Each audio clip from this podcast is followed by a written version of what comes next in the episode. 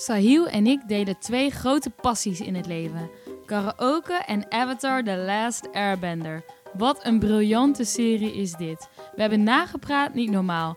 Uh, en tot de conclusie gekomen dat Sahil echt wel een uh, Uncle Iroh is. Voor de liefhebbers, om te weten. De podcast gaat trouwens wel dieper dan dat. Zoals uh, moslims zijn binnen spuiten en slikken, racisme... en my all-time favorite, vrouwrechter onder de migratieachtergrondengemeenschap. Lekker politiek correct weer. In ieder geval veel luisterplezier.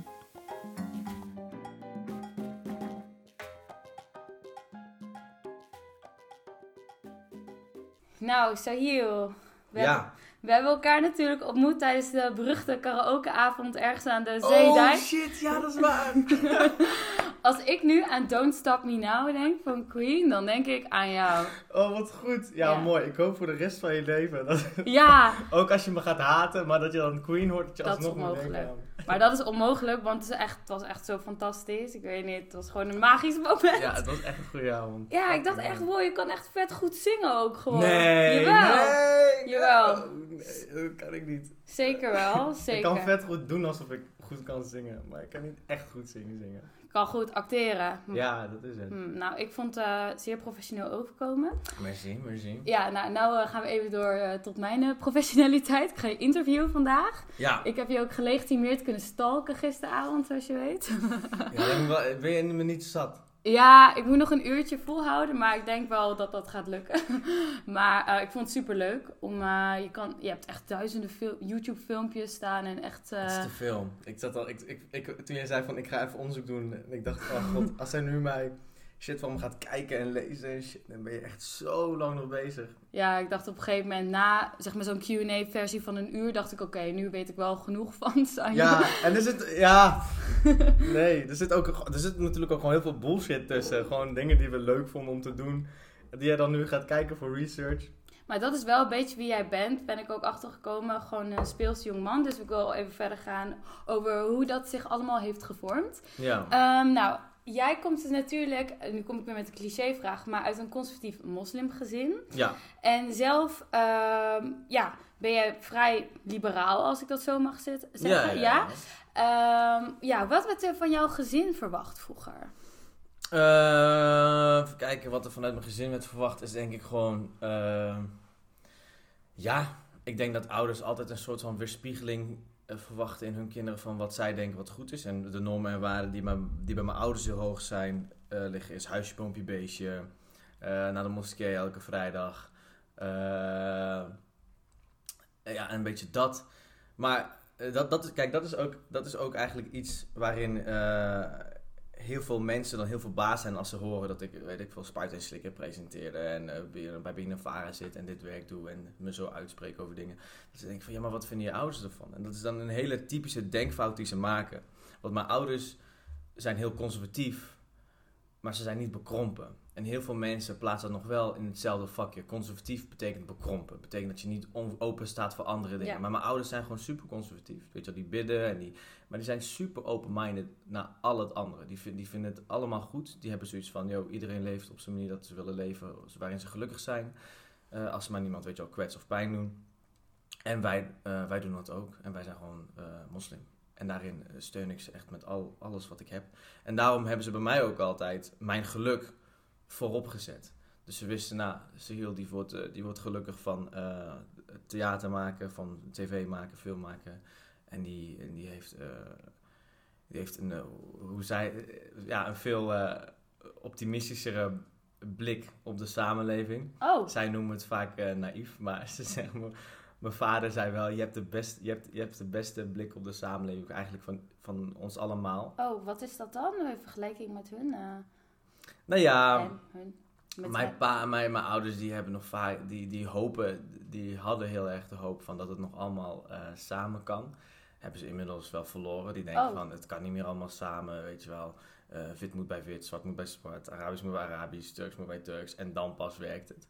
Eh, omdat ze gewoon natuurlijk in de loop der tijd al die bullshit hebben meegekregen. Dat ze, zij hebben echt de transitie meegemaakt van naar eh, gastarbeiders zijn die hartstikke verwelkomd worden, tot naar eh, ongewenste mensen waarvoor zelfs politieke partijen lobbyen voor hun vertrek. eh, dat hebben ze meegemaakt. En ik kan me heel goed voorstellen dat je wereldbeeld daar heel erg bitter van wordt. En ja, ik zie het nog wel gebeuren. Misschien een soort van onverwachte wending voor hen. Dat zij in het begin heel erg verwelkomend zijn behandeld. Ja, En daarna ineens een steek in de rug van eigenlijk moeten we jullie helemaal niet. Dat dat Ja. soort van beschadiging is in hun vertrouwen in. ja, zeker. En ik denk dat daarom ook... Ik, ja, en ik denk eh, dat, dat ze me daarom ook laten. Omdat ze zien dat ik nog wel heel erg hoop ben. Ik heb wel heel veel van het cynisme meegekregen van mijn vader. Maar ik heb nog wel hoop dat het kan als ik naar de nieuwe generatie kijk. En daarin, eh, ze zien mijn plan. Ze zien wat ik aan het doen ben. En, eh, En wat ben je aan het doen ehm, ja, op dat vlak? Ik ben op dat vlak probeer ik eh, dus dat het wel allemaal samen kan. Probeer ik eigenlijk manieren eh, te laten zien, verhalen te laten horen. ehm, van eigenlijk mensen die, die, die, die voorspoed, vrede en, eh, en de echt de ware samenleving er voorop zetten. En, en, en, en dat, ja, eigenlijk, weet je wel, dat, dat, die, die bekende leus van iedereen ongeacht religie, kleur, etniciteit, geslacht, seksualiteit, eh, gewoon allemaal lekker gezellig Ja. op één boot. ja, want denk je dat werken bij spuiten en slikken een soort van manier is om eh, ja, die samenleving te onderstrepen? Van, eh, nou, ik ben moslim, ik drink niet, ik doe niet Nou, aan drugs. ehm, maar ik kan wel meedoen aan een programma als spuiten en slikken met energy drankjes. en dan Wat eigenlijk nog schadelijker is dan Ja, fucking ja. ecstasy-pil nemen. Ja, ik weet het. Maar ook wat je in het programma zei. Je interviewde een meid die na twee energy blikjes of drie energy blikjes in een intensive care belandde. En jij ging gewoon door met... 15 per dag, ja. Je dat niet eng trouwens? Ja, het werd eerst niet. Ik, heb, eh, ik ben best een, ik ben altijd al van de jongste af aan ben ik een waaghals geweest. Eh, en eh, dus daarin dacht ik, oh, fuck it, ik merk wel wat er gebeurt. Dat is, echt, dat is een hele foute gedachtegoed, maar die heb ik heel vaak. En toen ik op een gegeven moment mijn hart heel hard begon te kloppen en ik echt steken voelde hier ook, zeg maar in mijn bovenlichaam voelde ik steken. Toen dacht ik van, oh shit, nou, eigenlijk volgens mij is het niet zo goed. En toen werd, heb ik gebeld met, ehm, toen heb ik gebeld met de eerste hulpgast die op standby stond. Ja. En die zei, stoppen, stoppen. En toen dacht ik, ja, natuurlijk zeg je dat. Hey, joh, jij bent, eh, maar ik dacht, toen dacht ik, ik ga nog even door. En toen moest ik inderdaad kotsen. En toen kwam alles eruit. Oh, sorry dat je dat moest zien trouwens. oh nee.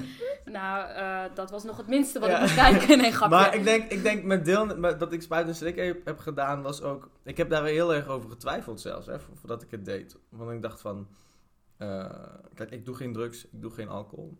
Ehm, want dat valt ook voor mij apart in hetzelfde vakje. Eh, en ik dacht, ik ga dat ook niet doen voor spuiten en slikken. En spuiten en slikken, dat behandelen we heel veel seks, porno, dat soort dingen. En dat is eigenlijk eh, hartstikke goed. Toen dacht ik, ja, nee, ik, ik wil het eigenlijk niet doen. Eerste instantie.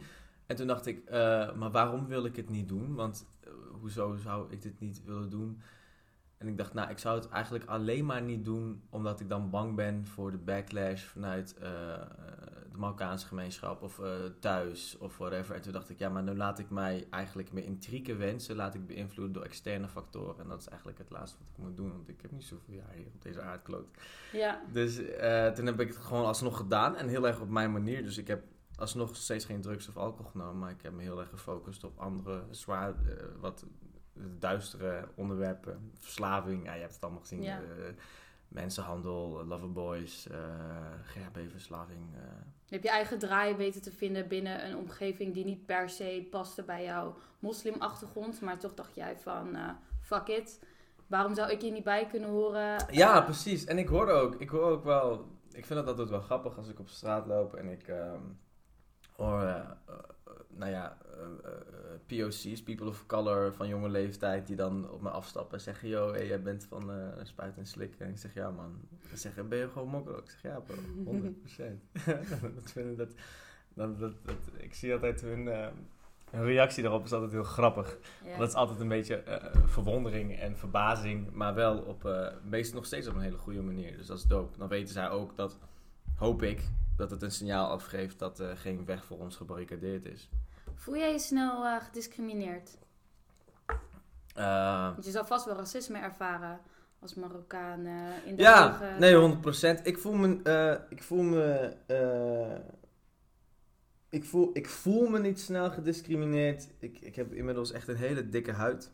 Uh, maar ik word wel, natuurlijk, ik word uh, aan de lopende band gediscrimineerd. Absoluut. Maar, ja, uh, het voelen, dat is toch echt wel, dan moet je ervoor, ik, ik sluit me er heel erg van af. Dus, want ik denk, ja, dat gaat me niet, dat gaat me niet veel verder brengen. Ja. Ik heb vroeger wel vroeger heb ik die woede heel erg gepakt die ik erover voelde en eigenlijk het, in iets positiefs gestopt. Dus, dus als ik, uh, ja, dus als ik heel veel gediscrimineerd werd of whatever, uh, om iets, dan, dan, dan, dan ging ik nog harder door. Ik weet nog zelfs, ik weet nog, wat weet ik nog?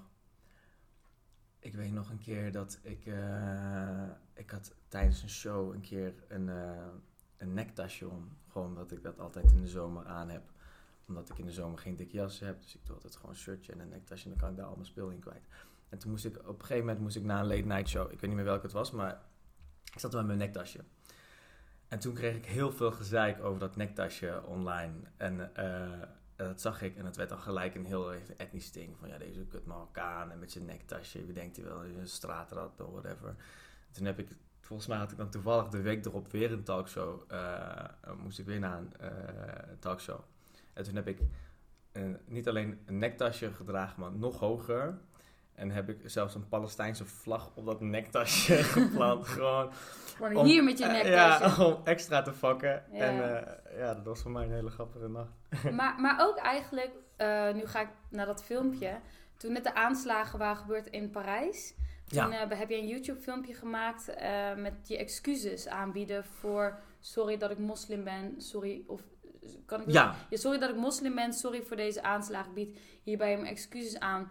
Waarom deed je dat? Was dat ook een manier om er iets positiefs van te maken? Of? Uh, nee, dat was. Dat, kijk, dat, volgens mij dat filmpje, ja, dat was heel erg op, uh, als uh, reactie op Wilders toen, dus, want je had, was in de Tweede Kamer toen crisisparaat en toen had Wilders, nee, het pakt natuurlijk gelijk de microfoon ja. begint te schreeuwen van het is, en ik, ik ga paraphrasen, maar het is wel, en het is, zolang, zolang, zolang moslims wereldbreed niet zeggen en niet opstaan en zeggen dit is niet, dit is niet mijn islam, dan is het de minderheid die kan doen wat hij wil, dus de terroristen, omdat de meerderheid het gedoogt. Dus dat wij het zouden gedogen. Ja.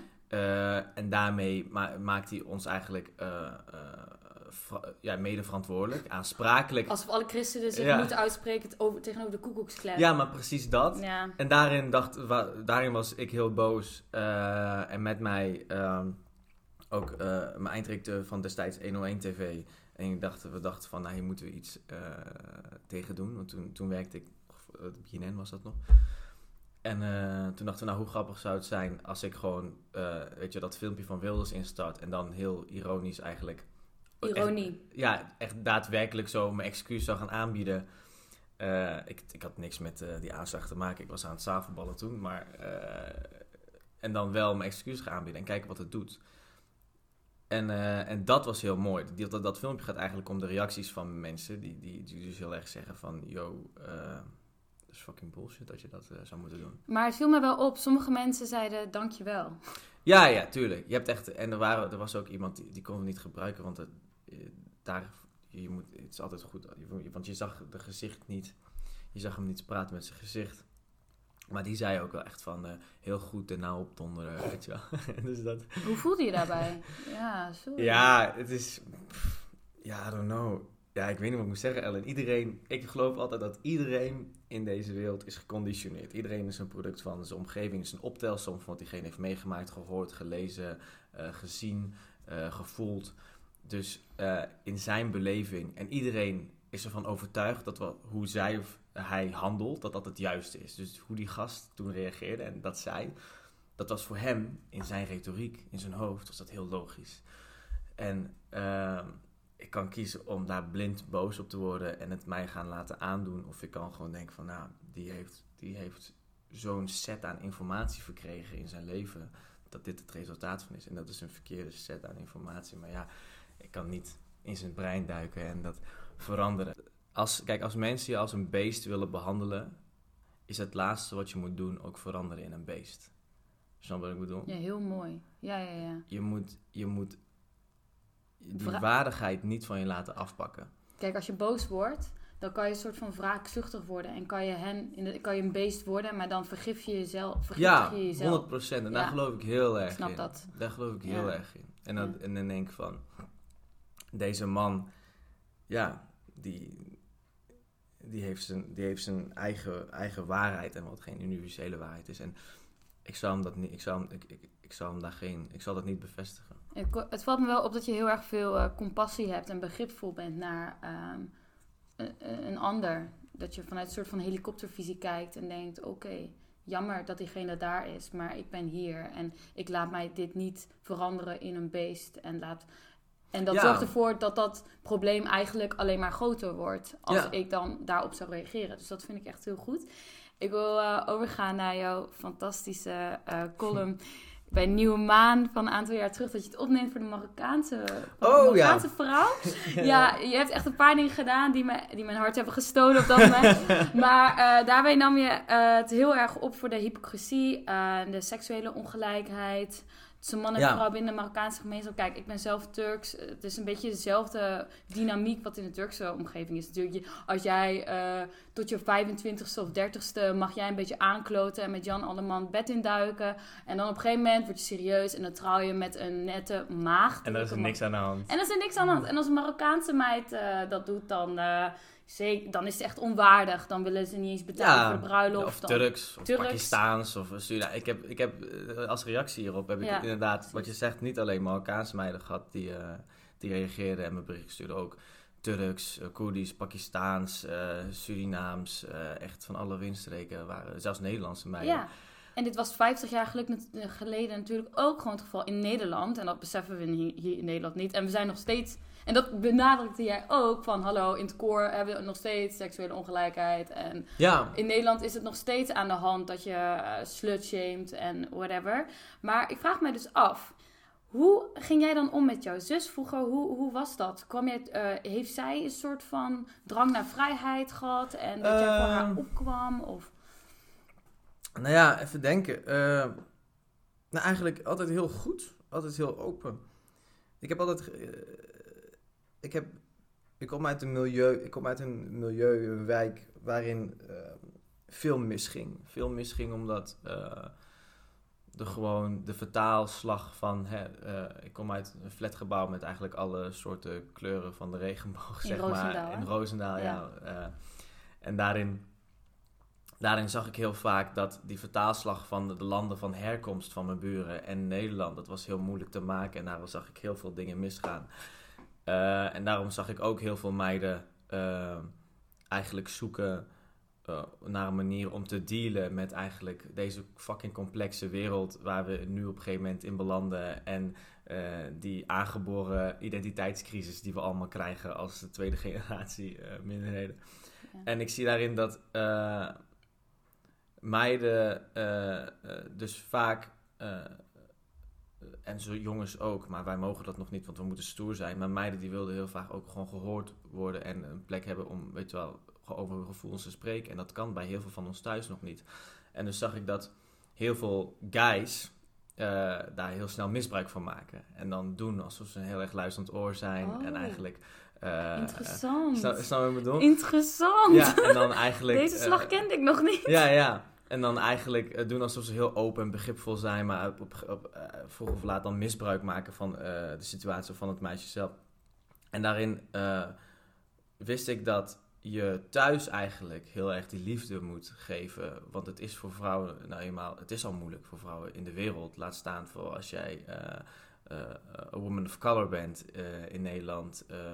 tussen een hele liberale wereld en een conservatieve thuissituatie. Dat is, voor, dat is nog lastiger.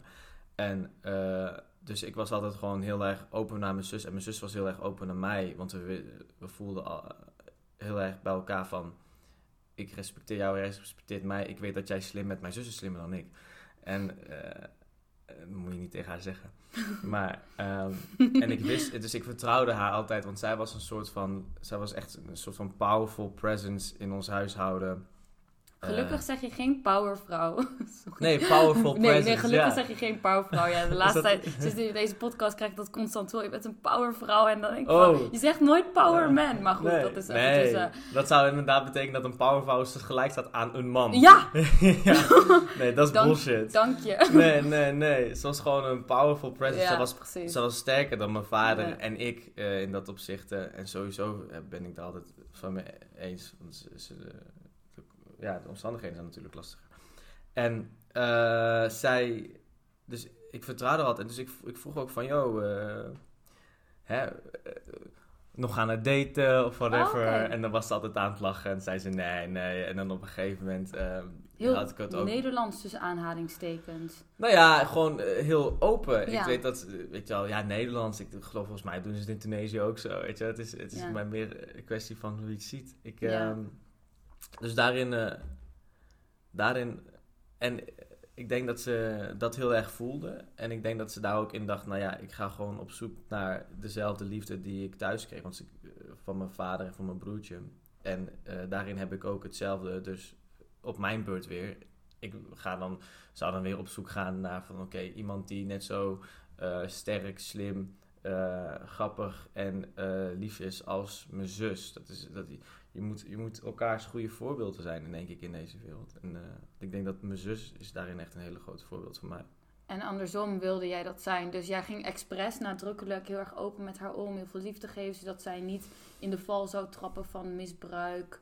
Dat ze gevoelig zou worden Ja, voor nou- dat eventueel Nou ja, eh, ja ik, ik wil gewoon niet, niet, niet dat dat afhangt van of Nee. ik aardig of ben of maar ik wilde, eh, ik wilde gewoon niet een gesloten klimaat, want dat, dat, dat is wel vrij gesloten, dat weet je, met de Turkse Ja. achtergrond. Het is al, bij onze ouders is dat al wat moeilijker Je om moet niet over gevoelens te praten, want dan Ja, maak je het alleen maar groter. Precies dat. En eh, wij hadden een soort van onbesproken begrip onderling van, eh, joh, als wij het gewoon bij elkaar kunnen, dan, dan, dan zal het helpen luchten. En dat, dat is ook echt, het heeft heel erg geholpen ook. Oké, dus, dus jij hebt samen met je zus wel altijd eh, ja, kunnen ventileren Ja, 100%. over je gevoelens en zo. Ja, ja. Ja, en, ehm, maar dus jij, daarom begreep jij, begreep jij daarom ook wel meer hoe het is om een vrouw te zijn in die gemeen, gemeenschap? Omdat jullie zo open en kwetsbaar naar elkaar... Dat is ja, dan ko- komen we een beetje terug bij die column, hè? Precies. Ik heb heel lang- ik die heb- column. Ik heb die column, dat idee voor, dat, voor die column had ik, had ik eigenlijk een, eh, een jaar voordat ik hem deed.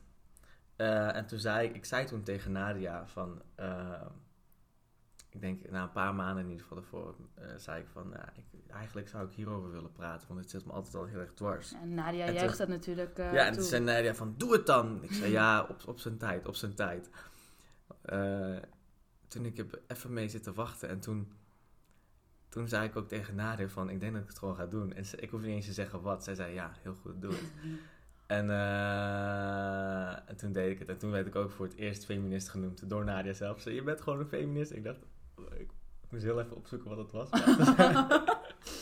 maar dan dacht ik, ja, nee, ik schaam me hier wel bij. Ja, maar het is ook heel belangrijk dat we in, sowieso in de Marokkaanse en Turkse gemeenschap en sowieso wel weer over gemeenschap, het Nederlands zelfs ook, Ja. denk ik dat het heel belangrijk is dat, dat we veel meer mannen krijgen. eh, want ik, weet dat er heel veel mannen zijn die hetzelfde voelen als ik en denken van, ja, eigenlijk zouden we allemaal eh, ja, dezelfde gedragsnormen en zo moeten toegeschreven krijgen. En eh, zou het niet voor de een anders zijn dan voor de ander. En, ehm, maar dat was ook, dus het was een soort van ook oproep aan eigenlijk iedereen, ja, dit keer dan voornamelijk binnen de gemeenschap, van, joh, zie je eigenlijk hoe hypocriet we eigenlijk allemaal leven. Daarin, daarin had ik wel heel erg mijn zus en mijn moeder in het achterhoofd. En, dat was, en daarin bedoelde ik, want heel veel mensen, kijk, het was heel grappig, want dat heel veel mensen interpreteerden dat ook als een soort van eh, oproep aan alle vrouwen van eh, Arabische achtergrond om eh minirokjes te dragen en gelijk naar de club te gaan en iedereen op de bek te pakken. Maar dat was het totaal niet. Het was, want ik, het is Oh, niet zo aan... kwam het wel op mij op en toen ging ik... Nee, grapje. Nee, ja, ja, maar jij snapt. Maar het, het werd heel erg zo geïnterpreteerd. Maar het was juist, het was juist heel erg... juist eh, het hele punt van mijn oproep was... Wij kunnen als mannen niet eh, eh, de levens gaan invullen van anderen. En wat we dus wel heel erg gaan doen... Bij, wat we heel erg gaan doen zijn bij vrouwen... Van gedragscodes en toeschrijven. En denk van, maar wat de fuck slaat het eigenlijk op? Want het, het, het, gaat, het, is, het werkt beide kanten op. Complete autonomiteit bij een vrouw is in mijn opzichten... Dus als je het helemaal loslaat van onderdrukking, is het... Nou, ze, ze mag bij wijze van spreken rondlopen, eh, eh, naakt of eh, half naakt, whatever. Liever, liever zelfs. Nee. Nee, nee, je maakt je aan. Of helemaal bedekt in een burka. Weet je wel, dat zit bij mij in, in hetzelfde spectrum. Ja. En, en ik denk daarin, want je hebt heel veel mensen natuurlijk. En, want eerst, ach, ik had, ik had het heel veel. Het is eigenlijk tweedelig dat ding. Want ik, heb heel veel, ik kreeg heel veel rechts, rechts, extreem rechtse mensen die gingen het delen en zo. Dat kon ja, van, ja, ja. die Dat, zeiden van ja, inderdaad, doe die, doe die hoofddoek af. En ik dacht, wow, dat wow, is herkenbaar. Dat is helemaal niet wat ik Ja. bedoelde te zeggen, Kill. Want zelfs dat is... Dat, dat hoort bij die autonome vrijheid van de, van de vrouw, weet je wel. Dat- Die mogen, als je een hoofddoek wil hebben... Niemand zou je daarvan moeten Vrijheid weerhouden. is een ander niet onderdrukken, dus jij moet die hoofddoek ook niet onderdrukken. Nee, zeg maar. precies, ja. precies. Bedoel, maar ik dacht, waarom zou, waarom zou dat mijn punt zijn? Mijn zus, elke vrouw in mijn familie draagt een hoofddoek. En Ja. dan- dus ik, maar goed, ja, Het- joh. maar mensen kunnen heel erg in hokjes denken. Hè? Dus als jij dan enigszins kritiek hebt op de hypocriete ja, dynamieken binnen, die, binnen de, de- onze cultuur, dan denken ze meteen dat je helemaal aan hun kant staat. Ja, die gaan en- de bewapenen. Ja, Dan denk ik precies. van, kijk, ze zeggen hetzelfde. Dan denk ik, no guy, I'm not on your fucking side here, bro. Ja, nee, het is wel grappig dat je dit zegt. Want ik eh, zat ook in een gender and diversity class. En iedere keer als ik maar een beetje kritiek had op de cultuur en bla bla, dachten ze dat ik op Thierry Baudet zou stemmen. Bij wijze van Ja. spreken, weet je wel. Dat ik denk van, nou, dat is niet wat ik zeg. Het is zo heel stom. Het is alsof mensen het- begrip van eh, gewoon totale autonoom, autonomie gewoon voor iedereen. ja. Als je aan die kant staat, zeg maar, waar ik denk dat jij er ook aan staat, van totale autonomie van Ja. welke geloof of seksualiteit of hoe je je kleedt, yo, do your fucking thing. Ja, Dat ze altijd denken van, dat ze dat niet kunnen plaatsen. Je kan niet, dus het is in heel veel, ik vind het heel grappig. Dus of je bent eh geïslamiseerd en je bent alleen, weet je wel, je mag niet naakter dan, dan een burka of een hoofddoek. Of je bent, eh, nee, de burka moet weg en eh, je mag geen hoofddoek. Het, het kan niet zijn van, het, in, vul het zelf in. Ik vind, ja, dat stoort me. Ik probeer me daarin te positioneren, maar de hele tijd moet ik mezelf verantwoorden. Sowieso ook de, de reactie op dat was niet alleen extreem rechts die het ging bewapenen, was ook heel veel vanuit de Nederlands-Marokkaanse, Nederlands-Turkse gemeenschap die me heel erg gingen aanvallen. Omdat die inderdaad dachten dat je Van- heel rechts was en tegen dat ik, dood. ja, en dat ik dacht van, oh ja, alle vrouwen moeten nu eh, als het ware eh, seksuele bommen worden. En ik dacht ik van, ja, maar is, kills, dit is totaal niet wat ik zeg. Terwijl ze heilig geloven in, nou, ik wil onthouding en hoofddoek en dat vind ik fijn. En dan zit jij dat te kritiseren terwijl ik dat zo probeer vast te houden of zo. Ja, Ja, ja dit- voelen ze zich ook aangevallen.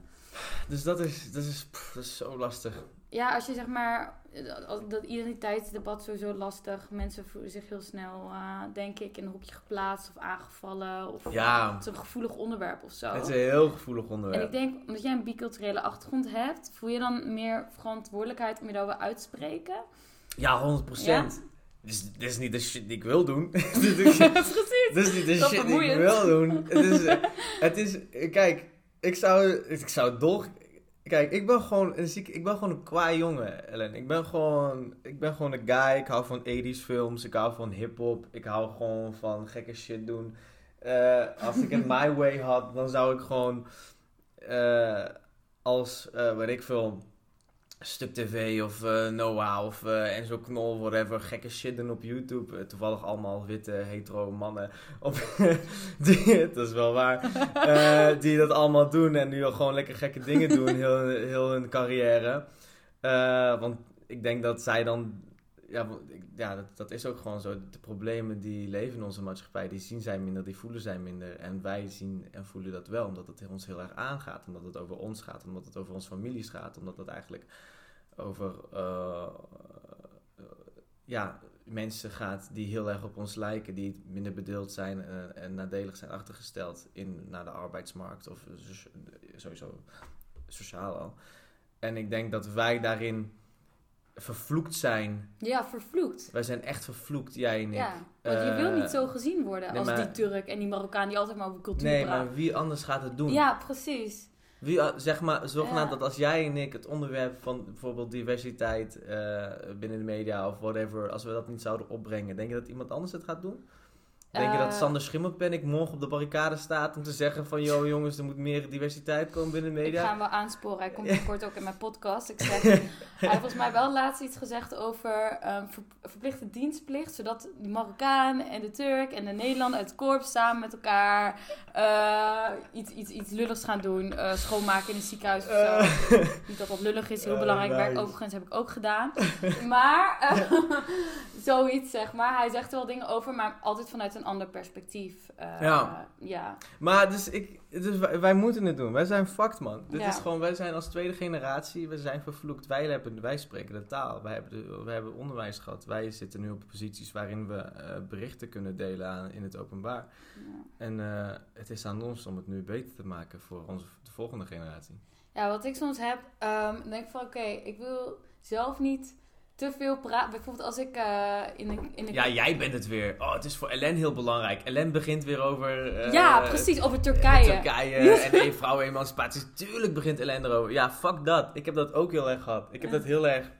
Nog steeds af en toe. Ja. Ik eh, zit dan eh, af en toe samen met eh, de hoofden van, eh, van de belangrijke mensen bij BNN Varen. Zitten we dan samen in een soort van eh, Very important people. Very important people.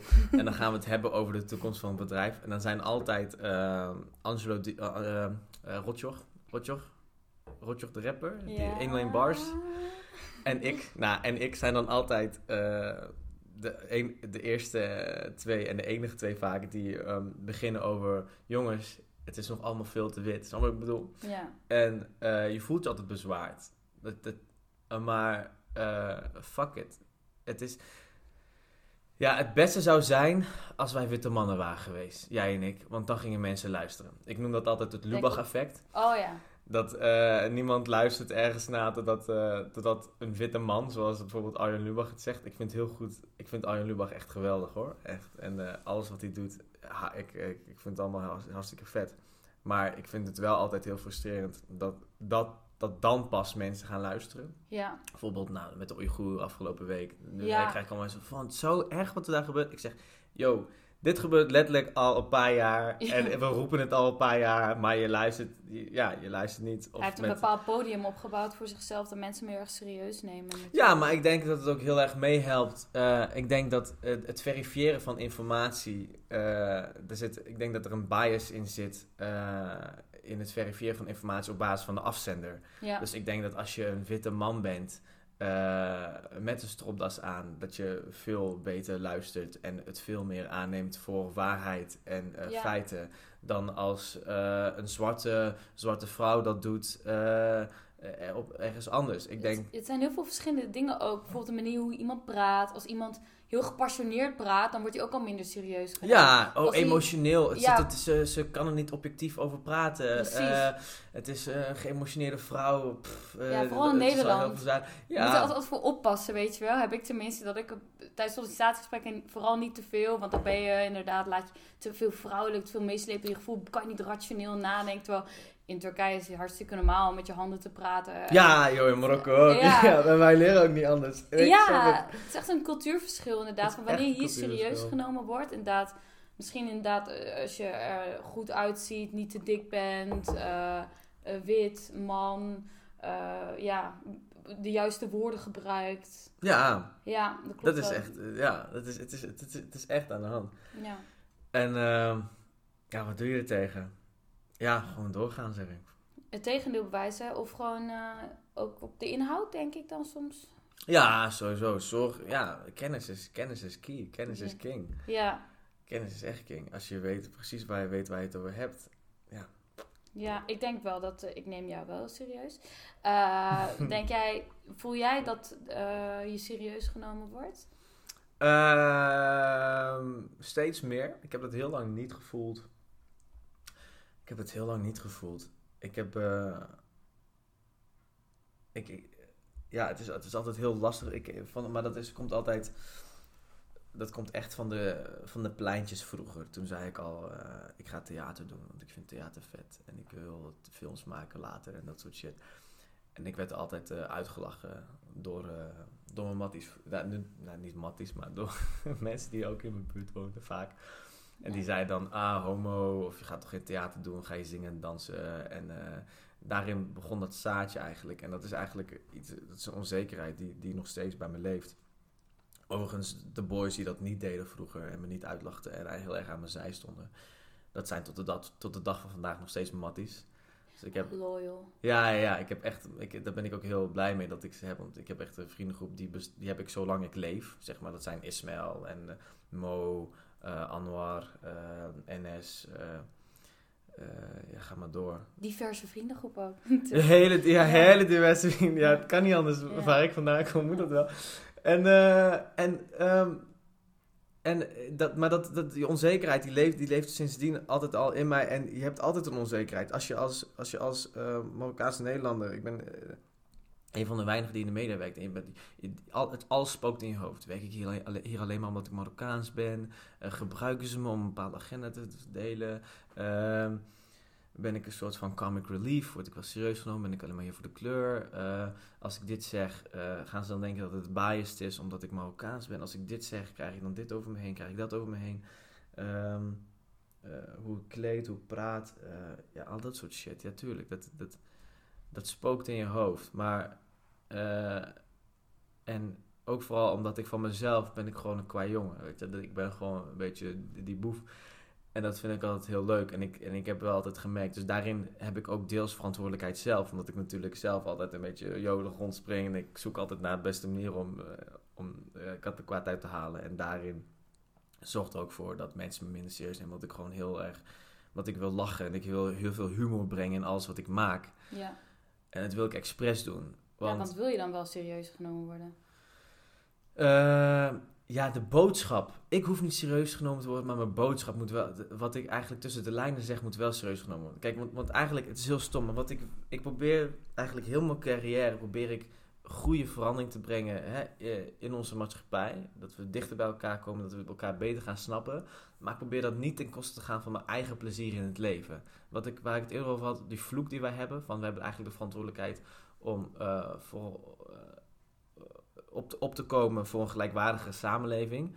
Dat wil ik, ik heb die rol gewoon op me genomen. Ik denk, oké, dat gaan we doen, dat ga ik doen, daar ga ik voor. Maar ik wil het niet ten koste gaan van mijn eigen plezier en van wat ik leuk vind. Ja. Eh, dus Dan zou je het ook niet vol. Anders hou ik het ook niet vol. Dus, dus alles, met alles wat ik maak wil ik gewoon plezier hebben, fun hebben.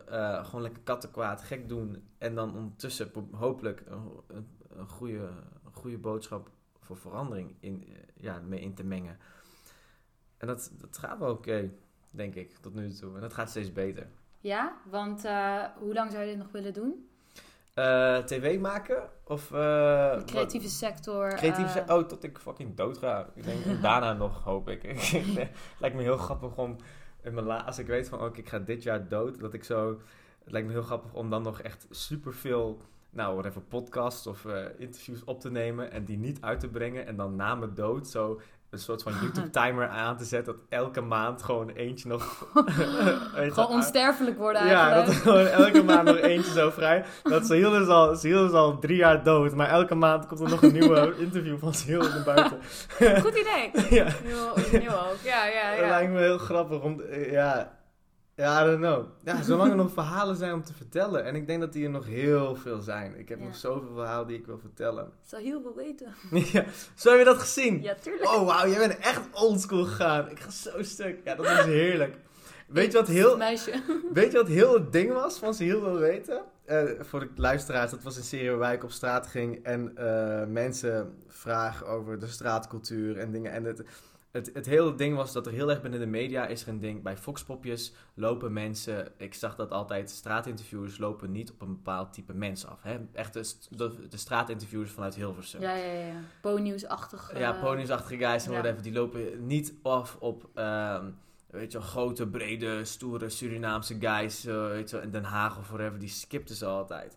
En ik dacht, hoe grappig zou het zijn als je juist gewoon naar al die straatguys loopt. En, eh, en gewoon met hun lekker gezellig gaat babbelen. En, en het met hun heel gezellig maakt. En Ja, want jij hebt het ook echt gezellig. Sorry dat ik Ja, ik heb het echt... Ja, zeker. Want dat zijn ook gewoon allemaal guys die ook allemaal shit grappig vinden. Ja. En ook allemaal mama hebben. En ook allemaal... Ik ging zo stuk om die... Is een guy met een nektasje. Daar zaten dan iets van vijf telefoons in of zo. En ik Ja. we moesten zo hard lachen. Maar is dat dan... Oh, sorry. Ja nee, ja, nee, ik moest gewoon lachen omdat er eentje was dan voor de meisjes. En eentje was voor zijn mama. En eentje was voor hun werk. En ik, ik vond het gewoon zo leuk. Eh, de- is dat een kracht van jou, die openheid? Is dat je grootste kracht? Ja, dat wordt vaak wel tegen me gezegd. Dat ik. eh eh, Matties van mij zegt altijd van dat ik. Dat, dat, ik- dat ik nog, eh, bij wijze van spreken, zou worden opgepakt kunnen worden door nazi's. En dat ik dan na een paar weken nog best wel chill met hun kan babbelen of zo.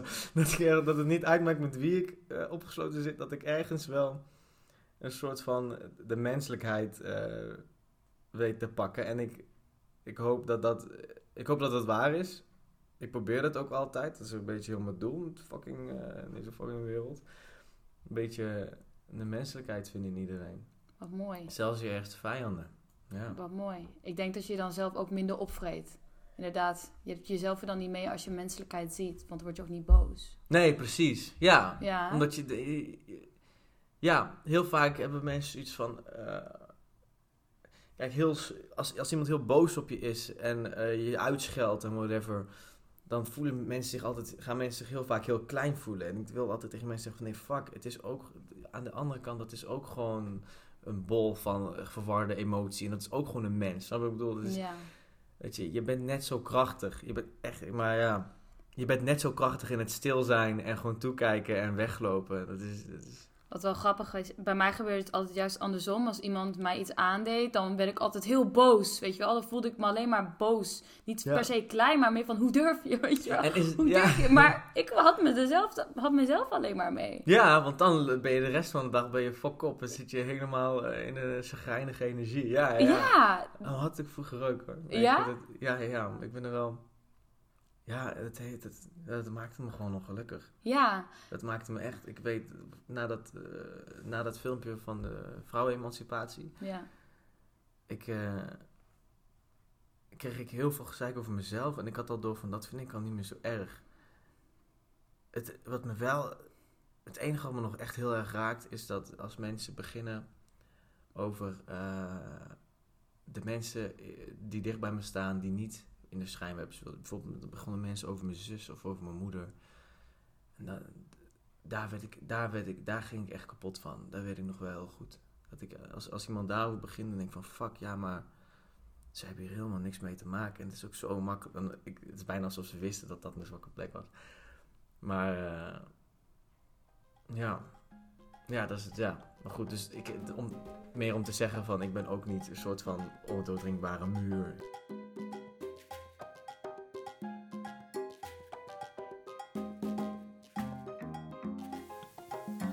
Weer stopt de podcast door een technische storing. Ik dus eindeloos vaak met Apple bellen, mijn PC herinstalleren, zelfs mijn harde schijf wissen. En daarna heb ik nieuwe microfoons ingeslagen. Wat blijkt dat het aan de Dictaphone-app zelf ligt. Dus gewoon een verkeerde software. Ik helemaal in de achterkamertjes van alle nerdige forums vroeten en alle PC-termen ontcijferen. Uiteindelijk komt alles goed. Ik werd wel flink door het universum getest hoe graag ik deze podcast wil. Nou, heel graag dus. Ehm, en nu heb ik voor de vo- volgende keer wel veel betere microfoons. Eh, anyways, heb jij nou iets opgestoken van deze aflevering? Laat alsjeblieft een review achter, zodat er ook meer bereik is. En eh, ik zou het ook wel leuk vinden om te weten hoe dit jullie inspireert.